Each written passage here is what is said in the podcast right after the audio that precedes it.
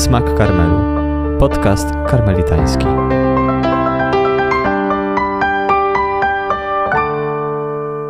Witajcie. Kontynuujemy naszą serię o ciele, cielesności. I dzisiaj chcielibyśmy sięgnąć do znowuż bardzo teologicznych wątków związanych z tymi właśnie tematami, a mianowicie do bardzo istotnej prawdy wiary, którą już niedługo będziemy kontemplować w liturgii, do tajemnicy wcielenia. Bo kiedy mówimy o ciele, trudno nie zadać sobie pytania, czym właściwie jest to, w co wierzymy, że Bóg stał się człowiekiem, stał się ciałem, że przyjął to ciało. Jest z nami ksiądz profesor Robert Woźniak, z którym już kiedyś rozmawialiśmy o ciemnej teologii, teologii negatywnej, a dzisiaj mam nadzieję, że wyjaśni nam kwestie związane właśnie z wcieleniem. Witamy bardzo serdecznie. Szczęść Boże. I w międzyczasie jeszcze tylko przypomnę, że zapraszamy do komentowania, zostawiania tych kciuków w górę. To pozwala nam docierać do coraz większej liczby ludzi, więc zachęcamy, przypominamy i przechodzimy już do naszego tematu. Może zacznijmy tak bardzo wprost, od najprostszego pytania, mianowicie w co my w ogóle wierzymy, kiedy mówimy o wcieleniu. Co to właściwie znaczy? Sama metafora wcielenia, metafora myślę w mocnym tego słowa znaczeniu, pochodzi od świętego Jana Apostoła, który rozpoczyna swoją Ewangelię, ten słynny prolog. Pamiętamy wszyscy, w Boże Narodzenie bardzo często go czytamy, w okresie Bożego Narodzenia. I tam moment centralny tego prologu, wprowadzenia do Ewangelii brzmi: Słowo stało się ciałem i zamieszkało między nami. To odpowiada nie tylko jakiejś obiektywnej prawdzie, ale to odpowiada także doświadczeniu świętego Jana. A więc święty Jan właśnie od tego prologu zaczyna swoją Ewangelię, żeby nam dać klucz do zrozumienia wszystkiego tego, co Jezusie y, sam się dowiedział i jak sam go doświadczył. Przekazuje prawdę obiektywną, ale także przekazuje prawdę swojego własnego doświadczenia, przeżycia trzech lat z Jezusem tutaj na ziemi. I taka formuła, bez której się nie zrozumie tego, czego on doświadczył, to jest właśnie to. Słowo stało się ciałem. On myśli po hebrajsku, tekst jest spisany po grecku, czyli myśli dabar, słowo Jahwe, słowo wszechmocnego, stało się jednym z nas, bo to wyrażenie stało się ciałem oznacza stało się całym człowiekiem. To także jest bardzo właściwe dla myśli hebrajskiej. Nazywamy to za pomocą formuły łacińskiej pars pro toto, czyli że część staje się synonimem całości. A więc to nie chce tylko nam powiedzieć, że kluczem do zrozumienia tego, co on zobaczył w Jezusie, jest to, że słowo przedwieczne, że sam Bóg stał się ciałem, tylko chce nam powiedzieć, stał się człowiekiem. Mówiąc ciało, mówi całym człowiekiem się stało. Właśnie ta, ta moc Boża, która jest zawsze wyrażona w Jego słowie.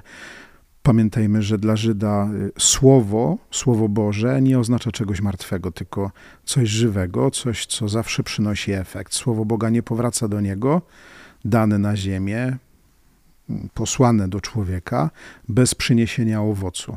Ono powraca do niego, urzeźniając wszystko to, do czego jest adresowane.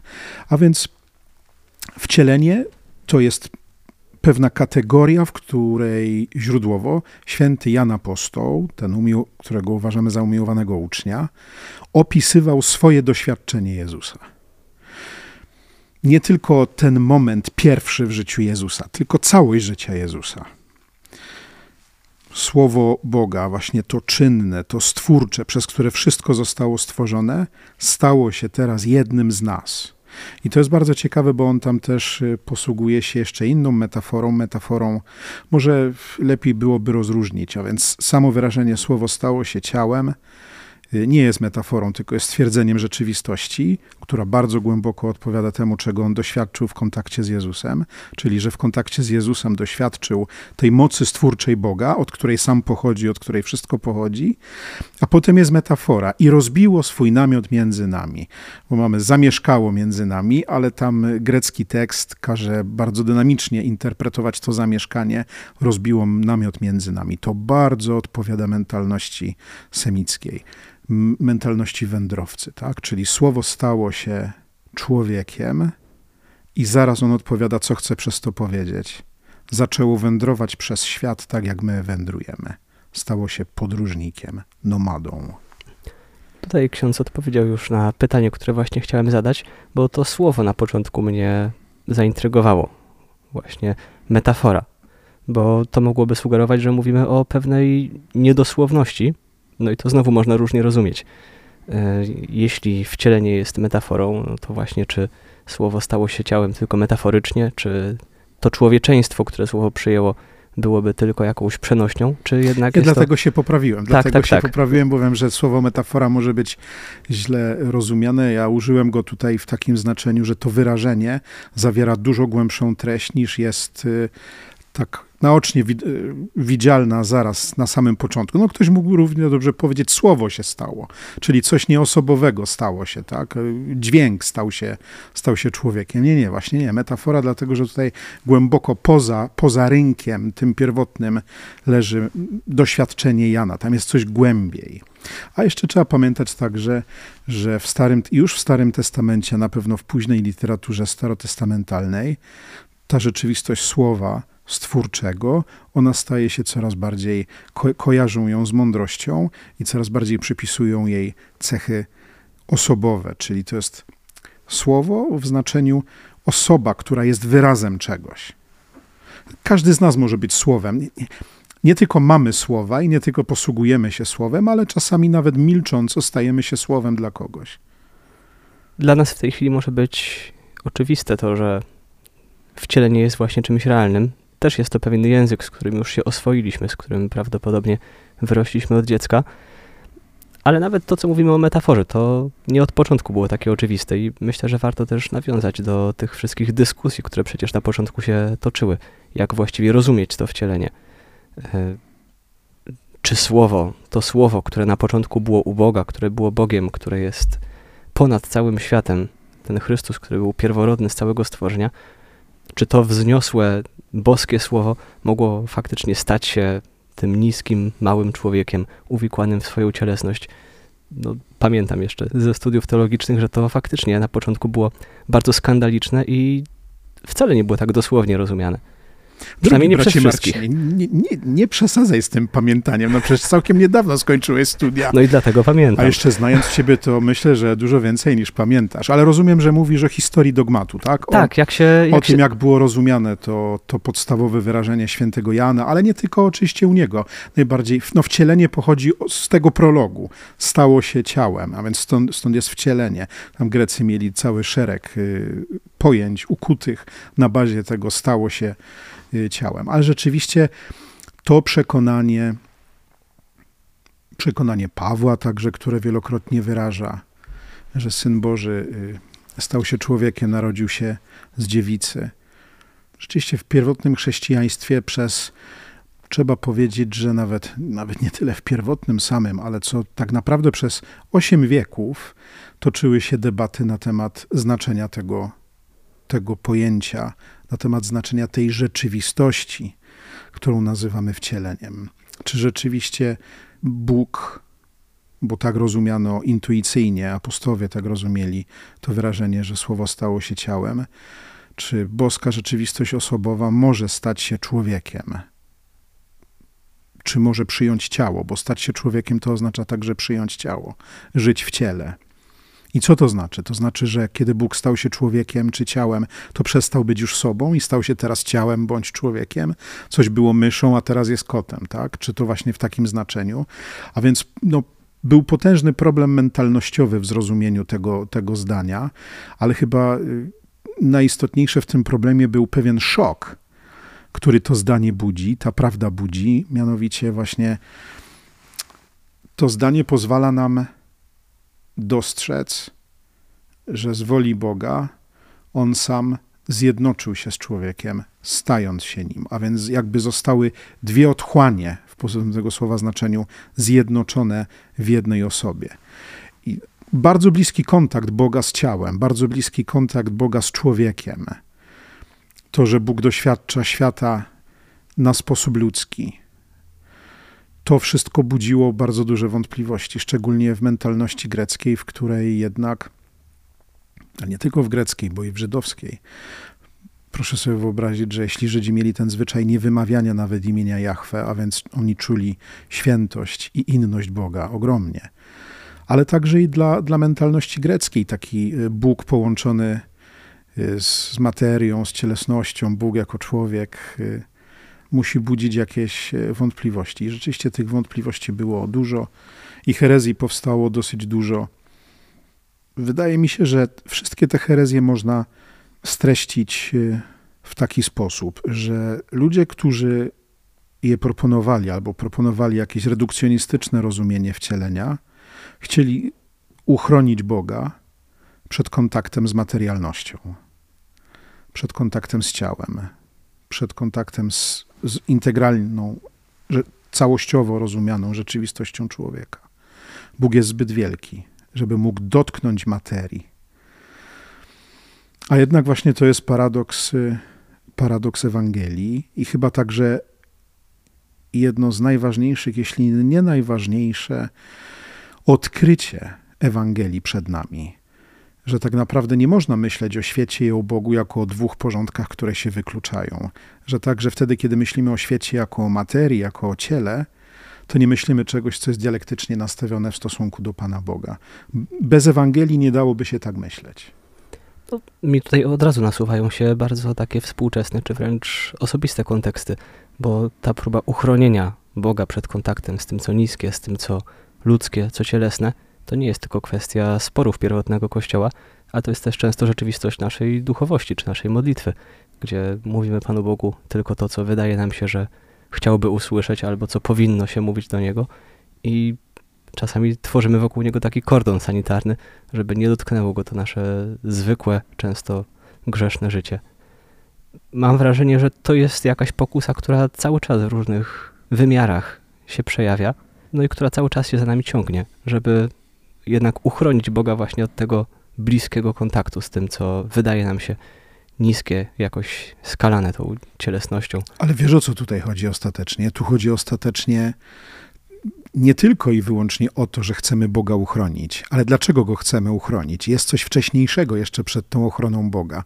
Jest bardzo negatywne rozumienie naszej własnej kondycji materialnej nie wiem, jak, jak głęboko można by się było w to zanurzać, ale myślę, że rzeczywiście ciało, cielesność, materialność. Y, dzisiaj ktoś mógłby powiedzieć, że my się w ogóle topimy w tym, tak? Że to jest ubóstwiona nawet rzecz. Ale dlaczego ubóstwiona? Myślę, że to dialektycznie jest ubóstwiona. To znaczy, my się jej baliśmy. Ludzkość miała okresy, kiedy wy, wypierała swoją materialność, cielesność, w których sobie nie radziła zupełnie, nawet ze świadomością tego, że jesteśmy ciałem, materią.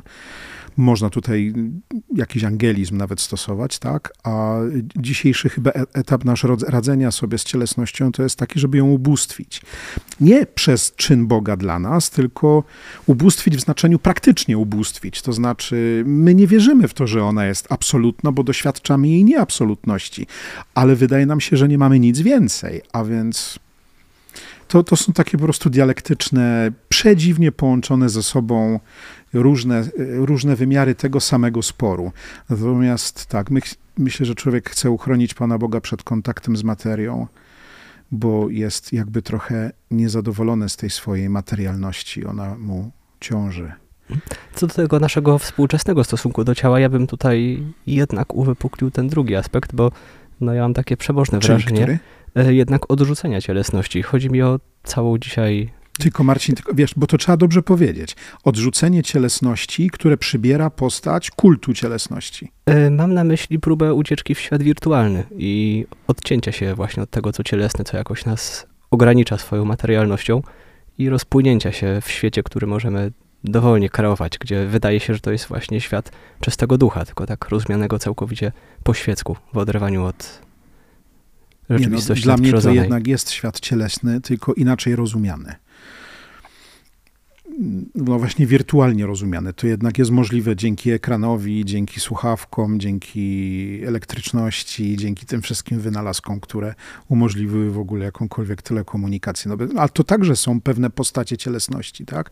Być może, że to pokazuje pewne sublimowanie, znowu sublimowanie, czyli jakby takie uduchawianie, odcieleśnianie, próba odcieleśnienia cielesności. Tak, coś w tym na pewno jest. Mhm. W każdym razie ewidentnie z ciałem i cielesnością mamy problem i próbujemy przed nią Boga uchronić. I wróciłbym tu znowu do tego źródłowego doświadczenia. No, skoro święty Jan i w ogóle apostołowie chrześcijanie pierwszych wieków z jednej strony doświadczali tego obciążenia swoją cielesnością, pewnego napięcia z nią związanego, z drugiej strony wyrośli z tradycji religijnej, gdzie odległość od Boga, odległość Boga od tego, co właśnie niskie, materialne, jest bardzo wyraźnie zaznaczona.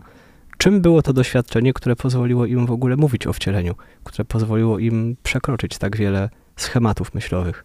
No ten sam Jan znowu w prologu tylko do pierwszego listu swojego pisze, to wam oznajmiamy, co widzieliśmy, co słyszeliśmy, czego dotykaliśmy, bo życie się objawiło. Myślę, że to jest właśnie to źródłowe doświadczenie. Bardzo to się wszystko logicznie zazębia ze sobą. Oni doświadczyli w Chrystusie, to znaczy to było tak, byli z Nim przez trzy lata. Święty Jan w Ewangelii swojej kilkukrotnie notuje, że coś im powiedział, oni tego nie zrozumieli, dopóki nie zmartwychwstał.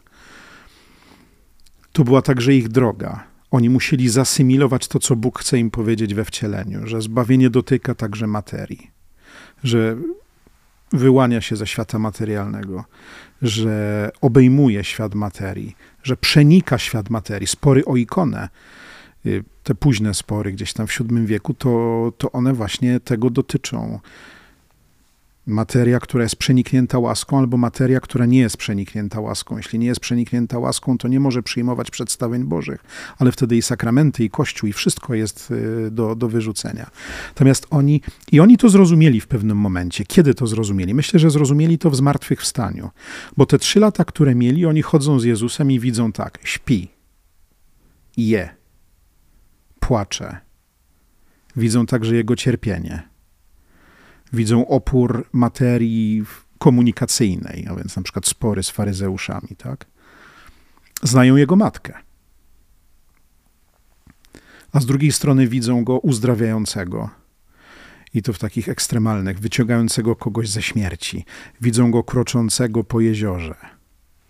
To wszystko musiało być, znaczy to wszystko im stawiało pytania. Czy to jest prorok, czy to jest ktoś więcej niż prorok? To już Piotr to wyraża także, tak? Ty jesteś, do kogoż pójdziemy, panie? Ty masz słowa życia wiecznego. Tak się nie mówi do proroka.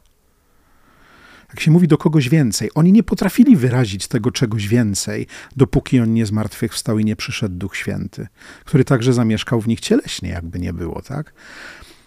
Ale to im zostało już dane. I ja myślę, że podstawowe doświadczenie, całe doświadczenie apostołów w spotkaniu z Jezusem, bo jak mówimy o wcieleniu, nie wiem, pamiętacie, na początku powiedziałem, że, y, że to wyrażenie wynika z formuły świętego Jana, że słowo stało się ciałem. Ciałem rozumiemy jako całym człowiekiem, tak? I dlatego także trzeba iść krok dalej i powiedzieć, że wcielenie to nie jest tylko ten moment jeden, w którym on zamieszkuje w łonie Najświętszej Marii Panny, a potem wychodzi na świat. I tu już się wcielenie skończyło, czyli wcielił się i koniec. Wcielenie to jest jego przejście przez wszystkie etapy życia ludzkiego. Od embrionu, bo Jezus był embrionem, aż do y, śmierci, i jeszcze krok dalej, dużo dalej, do zmartwychwstania. I apostołowie mu tutaj przez trzy lata towarzyszą, oni też dojrzewają i dopiero po zmartwychwstaniu, także w pewnym procesie, zaczynają rozumieć, że wszystko to, czego doświadczyli w Jezusie, to jest także usprawiedliwienie, to jest także pokazanie tego, że materia nie jest przeciwna Bogu, że materia jest także dziełem stworzenia i może być miejscem doświadczenia czegoś, co jest absolutnie, totalnie hyper pozamaterialne. Czyli, że materia i duch nie muszą się wykluczać, że tu nie musi być wojny, że, że materia także pochodzi od Boga. Ale tu jednocześnie rodzi się najstarsza herezja chrześcijańska i taka, która jest zawsze z, nią, z chrześcijaństwem połączona, czyli gnostycyzm, czyli takie łatwe traktowanie religijności jako powiedzenie Bóg jest wielki i cudowny, a ja, jako że doświadczam, to jest normalne doświadczenie tego u Greków, pesymistyczne doświadczenie życia, które rodzi interpretację taką, że ja jednak jestem zupełnie kimś innym od Boga, czyli jakby całe moje podążanie tym, co nas różni, to jest materia, czyli materia jest zła i czy chcemy, czy nie chcemy, to gdzieś takie pokuszenie w nas jest. Nawet Augustyn mu uległ i to bardzo mu uległ w niektórych etapach swojego życia. Natomiast to, czego oni doświadczyli, to jest zbawienie ciała. To nie jest tylko zbawienie duszy, to nie jest tylko zbawienie intencji, to jest zbawienie faktu, to jest zbawienie historii. Oni doświadczyli tego zbawienia, dotykali go, widzieli go, słyszeli go, a w końcu go przeżyli w sobie. Dla, także ich, dla nich osobiście sens ich bycia ciałem, sens życia w świecie jest y, no, tutaj odkupiony. Takie przychodzi mi tutaj może dalekie, dalekie odniesienie, ale chyba coś jest y, w tym odniesieniu. Jednym z powodów, dla których y, szatan miał odejść od Boga, było to, że Bóg powiedział mu o tym, że chce stworzyć człowieka. I co tak ojcowie tłumaczą, niektórzy przynajmniej. I szatan miał powiedzieć, wzdrygnąć się, powiedzieć: Jak to? Chcesz mieć jeszcze kogoś oprócz mnie? A i dodatkowo kogoś, kto ma ciało? Ty jesteś absolutnie doskonały, nie masz ciała. I ja jestem Twoim obrazem, nie mam ciała. Po co to ciało? Ciało jest obrzydliwe.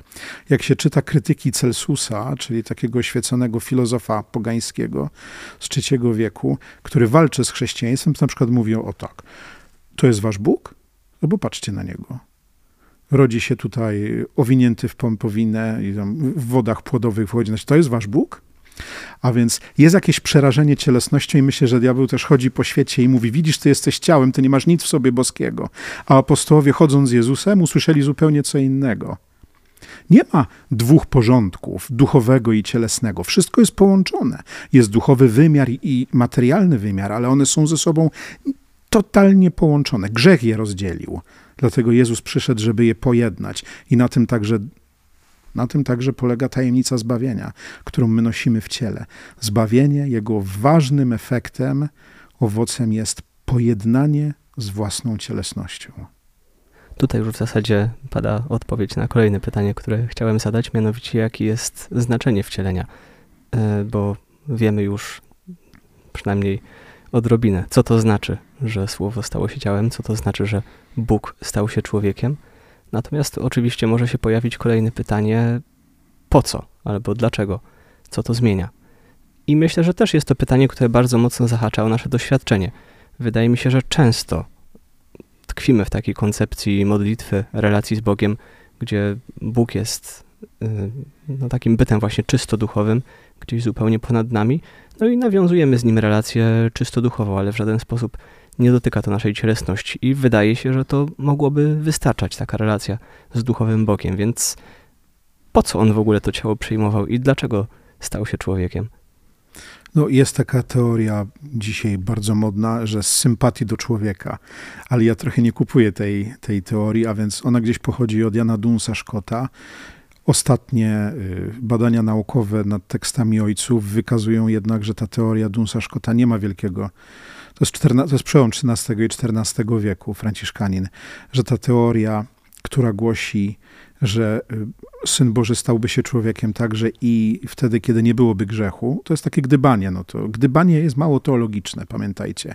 Pan Bóg się trzyma faktów bardzo i, i, i człowiek y, religijny, człowiek pobożny, człowiek podobny do Boga jest, jest fakciarzem po prostu nie jest, jest marzycielem, ale w krainie faktów, a, a, a nie inaczej. A więc no Duns, ja rozumiem go, tak? On mówi, że, że to przyjście Syna Bożego do nas jest tak ważne, także z perspektywy takiej psychologicznej, metafizycznej, naszych, a, naszego działania także, że, że jest ukoronowaniem stworzenia. A więc Syn Boży by się wcielił także wtedy, kiedy by grzechu nie było i w ten sposób dzisiaj jakby ciągną, bo Duns tego nie mówił, Dzisiaj niektórzy ciągną, no właśnie Bóg chciał się stać człowiekiem, bo mu tak brakowało tego człowieczeństwa jakby. Ale to już jest zupełna pomyłka, znaczy, bo to, to tłumaczenie polega na tym, że Pan Bóg popatrzył na swoje stworzenie i mówił, o kurczę, to ja tego nie mam, no to chcę się stać człowiekiem. Żeby to mieć tak, że czego nie ma w człowieczeństwie. Nie, nie, to zupełnie nie tak. Człowieczeństwo, proszę pamiętajcie, taki jaki jest, duchowo-cielesne, jest niczym innym jak rzutowaniem tego, co się dzieje w Bogu w czas i przestrzeń ta koncepcja, o której tu ksiądz wspomniał, Boga, który popatrzył na człowieka i jakoś mu pozazdrościł, no bardzo mocno trąci mi wręcz mitologią. Takimi opowieściami rodem z mitów greckich, gdzie bogowie zazdroszczą ludziom, gdzie jakoś upodobniają się do nich, żeby doświadczyć tego, co oni. Jest to jakaś znowu mitologizacja chrześcijaństwa, tak mi się wydaje. Na pewno. Na pewno tak, masz rację. E, Dunsa Scotta myślę, że można by o tyle obronić, zastanawiając się, co on chciał wyrazić przez to. Jaka intencja za tym stała. Wydaje mi się, że jest tutaj próba podkreślenia, jak bardzo Bóg schodzi do człowieka, jak bardzo wychodzi do niego, jak bardzo właśnie w tej miłości chce być mu bliski. Że to jest to, co stanęło za tą teorią, ale fantazja faktycznie ale poniosła wiesz, no, go dość daleko. Ja być może też byłem, miałem inklinację do myślenia w kategoriach Dunsa Scotta, dopóki właśnie nie poznałem tych, tych serii badań, które zadały pytanie, czy rzeczywiście taki sposób myślenia zaczyna się u Dunsa, czy też można go znaleźć gdzieś bardzo utkwionego w patrystyce, czyli czy należy do, już do wczesnych interpretacji Ewangelii. I na przykład taki Maksym Wyznawca, którego bardzo, bardzo szanuję i lubię, on y, pokazuje, że no to jest wielkie gdybanie, dlatego że człowiek od samego początku przeznaczony był do żywego, intymnego kontaktu z przedwiecznym słowem i miałby wszystko w tym kontakcie bez wcielenia.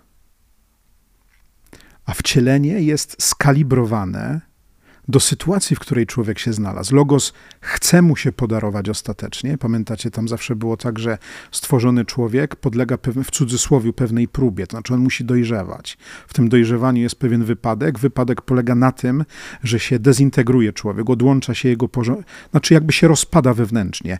Rozum się odłącza od wolności, wolność od cielesności i mamy takiego rozbitego człowieka. I teraz Logos chce mu się udzielić w tych konkretnych warunkach, które wypływają z konkretnej wolności człowieka. A więc musi mu się udzielić, tak wypada, żeby mu okazać wszystko to, kim on sam jest, żeby mu okazać całą Bożą dobroć, a jednocześnie, żeby nie odpowiadać na pytania, których nikt nie postawił. A pytanie, które zostało postawione przez wolność człowieka prowadzącą do rozpadu wewnętrznego naszego człowieczeństwa, było, co zrobić z ciałem. A więc on musiał musiał, chciał, mógł to zrobić na tysiąc innych sposobów. Bóg jest nieograniczony, ale żeby, żeby dotknąć istoty problemu, w jaki wpadliśmy przez grzech, i jednocześnie, żeby w tej sytuacji najgłębiej nam okazać to, co od zawsze nam chciał okazać, zdecydował się na stanie człowiekiem. To jest moment, żeby od pytania po co i dlaczego przejść do pytania, które może w tym kontekście zabrzmieć trochę dziwnie technicznie, ale jak to działa. To znaczy, w jaki sposób właśnie wcielenie wiąże się z odkupieniem, ze zbawieniem, y, w jaki sposób ten fakt stania się przez Boga człowiekiem oddziałuje na mnie, co zmienia w moim życiu i w jaki sposób na nie oddziałuje. Ja nie znalazłem żadnej takiej teorii, która spójnie by w paru zdaniach to wszystko ujęła. Ale intuicje, które są praktycznie we wszystkich, u wszystkich ojców i w całej wielkiej teologii i w nauczaniu Kościoła są następujące. Po pierwsze, człowiek został stworzony przez Ojca, Syna i Ducha Świętego na obraz Syna. Czyli to, co my nazywamy człowieczeństwem, nie jest pierwotnie nasze, tylko jest pewną cechą istnienia Syna to pismo będzie mówiło, że w nim przez niego i dla niego wszystko zostało stworzone. Dla niego, czyli tak jak, jak małżonka istnieje dla, małżon, dla małżonka, a, a on istnieje dla niej, jak dzieci istnieją dla rodziców, a rodzice dla dzieci, jak osoba istnieje dla osoby, tak, przez niego, a więc to on, on nas stwarzał, on dał nam y, siebie, żeby nas stworzyć. I w nim to znaczy, że logika, która zarządza istnieniem Syna w Trójcy Świętej, jest dokładnie logiką, która stworzyła człowieka. Czyli nasz software, tak? czyli nasze, nasz, nasze oprogramowanie jest z niego wzięte. No ale w grzechu, właśnie wtedy, kiedy już zaczęliśmy istnieć w czasie i przestrzeni, był pewien moment, trudno powiedzieć kiedy, czy wszystkich dotyczył, jak dotyczył. To są pytania trochę jakby wykraczające także poza kontekst tej rozmowy, o której teraz mówimy. Natomiast przyjmujemy, że, był, że była pewna decyzja woli, no, której treścią jest odwrócenie się od tego modelu, na który zostaliśmy stworzeni.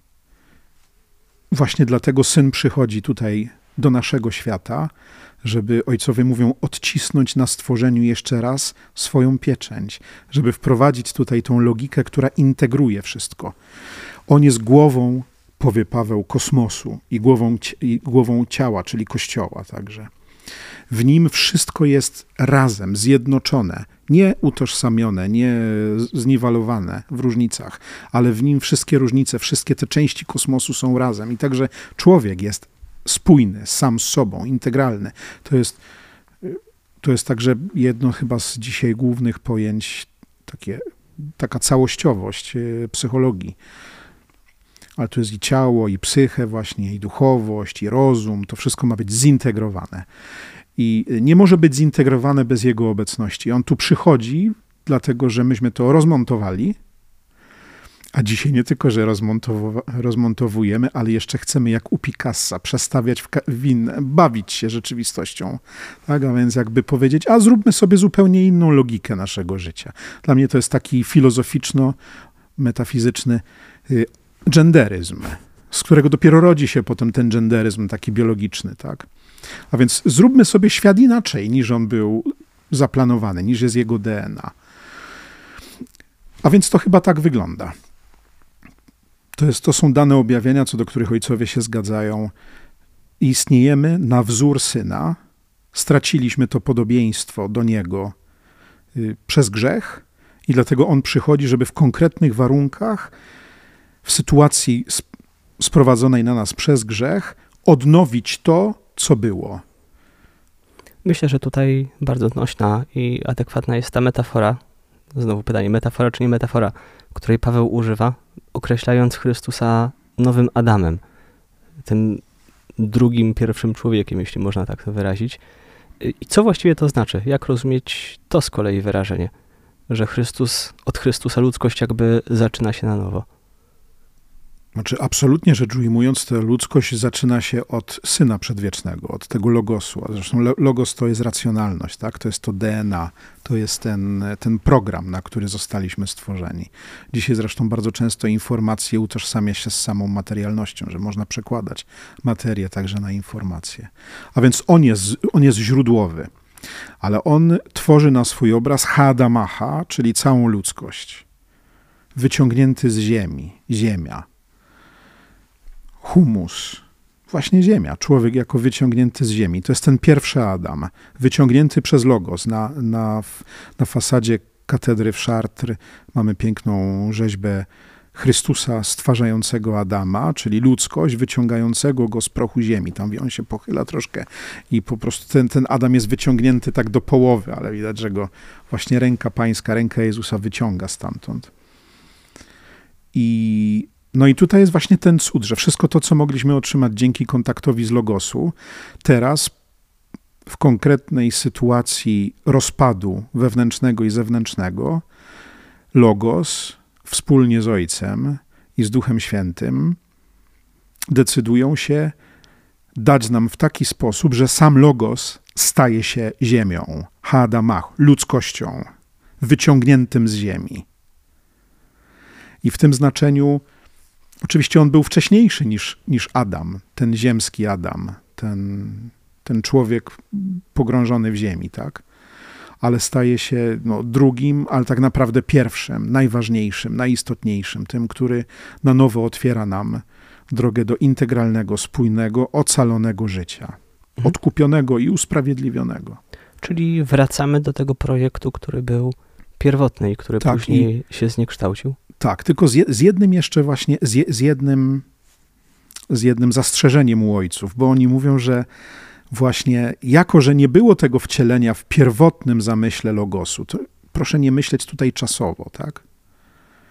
Bo wszystko logos, wszystko Syn Boży, co ma w sobie i co chciał nam dać, mógł nam dać bez wcielenia.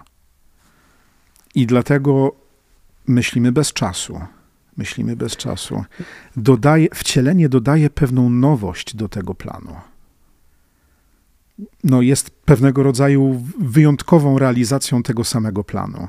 Specjalną, akcją specjalną w realizacji tego samego planu. Mhm. No, troszkę tu wracamy do tego pytania, chociażby do. O szczęśliwa wino, nie? Tak, i czy wcielenie by się wydarzyło, czy by się nie wydarzyło.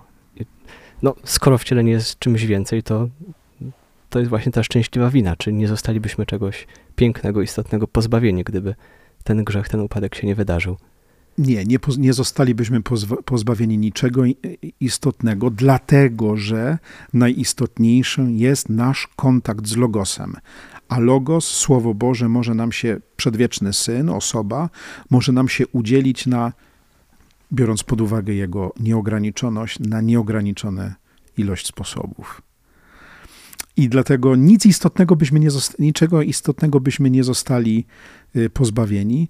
Natomiast tutaj sposób tej akcji ratunkowej jest taki, że nie tylko ujawnia, co było na początku, jaki był zamysł początkowy Boga, ale jeszcze otwiera nam y, no buzię z zachwytu i mówimy: Wow, to naprawdę jest niesamowicie mądrze wszystko skonstruowane.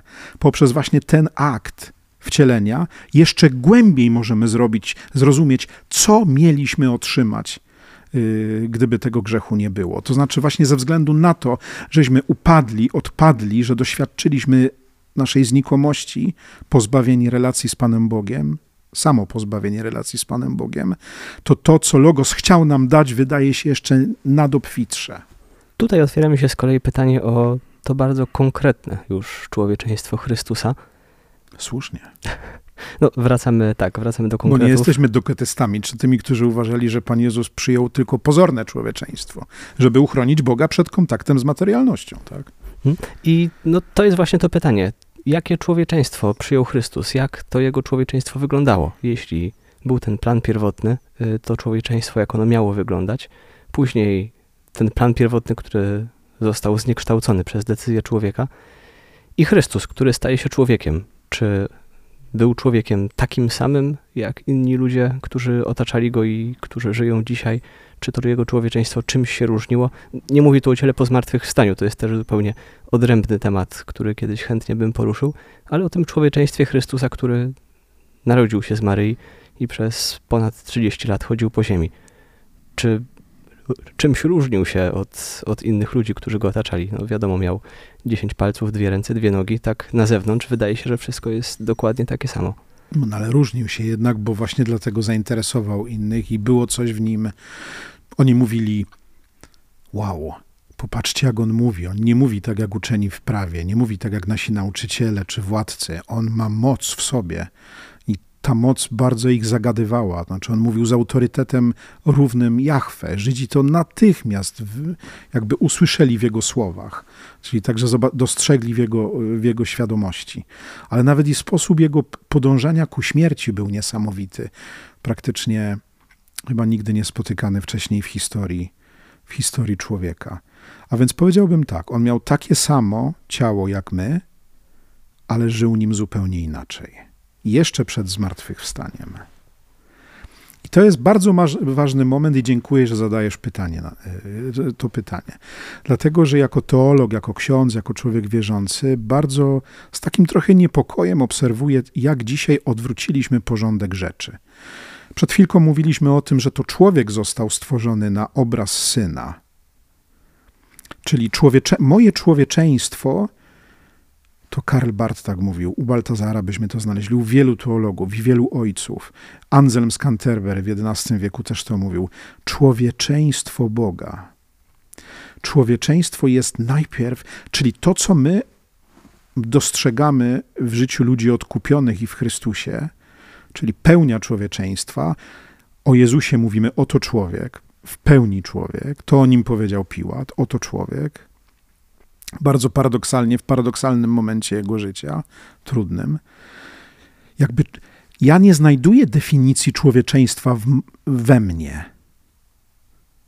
Ignacy z Antiochii, jadąc na śmierć, pisze do swojej wspólnoty: Nie wzbraniajcie mi umrzeć, nie módlcie się za mnie, żebym został ocalony, jeśli chcecie dla mnie dobra, bo homo ero, będę człowiekiem. Czy on mówi, że nie jest człowiekiem? Nie, on mówi, że jeszcze nie jest w pełni człowiekiem że jego momentem ostatecznym jest upodobnienie w śmierci do śmierci syna i wtedy dorośnie do człowieczeństwa, bo stanie się podobny do, do tego człowieczeństwa syna. To jest ten sam, który mówił o tej ekleziologii eucharystycznej, że istotą życia jest dar, dar z siebie i ciało także jest po to, żeby siebie, żeby człowiek jeszcze głębokie, głębiej, historycznie, fizycznie, namacalnie mógł siebie dać. W każdym bądź razie, no dzisiaj jest bardzo duży problem, bo my mówimy, prawdziwy, on jest prawdziwym człowiekiem, czyli musi mieć taki sam bałagan w głowie jak ja, takie same bolączki ciała jak ja, I wszystko takie samo. A niektórzy nawet mówią, że musiał grzeszyć, bo jak nie zgrzeszył, to co to za człowiek był? A ja mówię, definicja grzechu, znaczy grzech nie należy do definicji człowieka. Jeśli chcemy wiedzieć, czym jest człowiek, to musimy patrzeć na Chrystusa. I to nie tylko od momentu zmartwychwstania. Jednak proszę pamiętać, że wcielenie polega na zjednoczeniu dwóch natur, boskie, boskiej i ludzkiej, w jednej osobie. Tam nie, nie ma zmieszania tego, co boskie i ludzkie. Tam nie powstaje żadna hybryda. Nie, ma, nie można także rozdzielić tego, co boskie i ludzkie w Chrystusie. Jest jedność, zjednoczenie. A więc proszę sobie wyobrazić, to, co ludzkie, nigdy wcześniej nie dotykało tak bardzo Boga, jak dotyka we wcieleniu. I teraz to, że dotyka Boga, to znaczy dotyka swojego własnego źródła, bo człowieczeństwo pochodzi od Boga. A więc ja, y, i myślę, że, myślę, że to jest myśl bardzo ważna dla ojców. Człowieczeństwo Jezusa od pierwszego momentu jest doskonalsze niż moje. Ale uwaga, tak samo Kościół naucza, że Pan, który nigdy nie popełnił grzechu, przyjął człowieczeństwo obciążone skutkami grzechu, żeby je przemienić w sobie. I właśnie ta przemiana dokonuje się całe życie Jezusa, od embrionalnego aż przez, śmier- przez nauczanie, życie, jedzenie, wszystko, do zmartwychwstania i do wstąpienia do Ojca. To jest cała przemiana człowieczeństwa w nim, ale źródłowo już dokonuje się w jakiś sposób w samym akcie połączenia Y, w łonie Najświętszej Marii Panny. I to nie polega na tym, że on nie jest człowiekiem, on staje się prawdziwym człowiekiem. Dlatego w naszym wyznaniu wiary z Soboru w Halcedonie z 451 roku mówimy, że on jest alethinos theos i alethinos antropos, że jest doskonałym, prawdziwym. Tam już nie pamiętam, czy jest prawdziwym, czy, czy doskonałym. Doskonałym chyba jest. Doskonałym Bogiem, doskonałym człowiekiem. Y, czyli ma to samo ciało, te same komórki, dokonują się w nim te same procesy biologiczne, ale to wszystko nie jest dotknięte tym pęknięciem które odkrywamy w sobie. I on jest modelem naszego człowieczeństwa. Proszę, myślcie o, o, nim w taki sposób. Nigdy go nie podporządkowujcie kategoriom naszego rozbitego świata, bo on przynosi do tego świata jedność. On jest tutaj, Ireneusz z Lyonu powie, on jest nowością, której świat nigdy nie widział.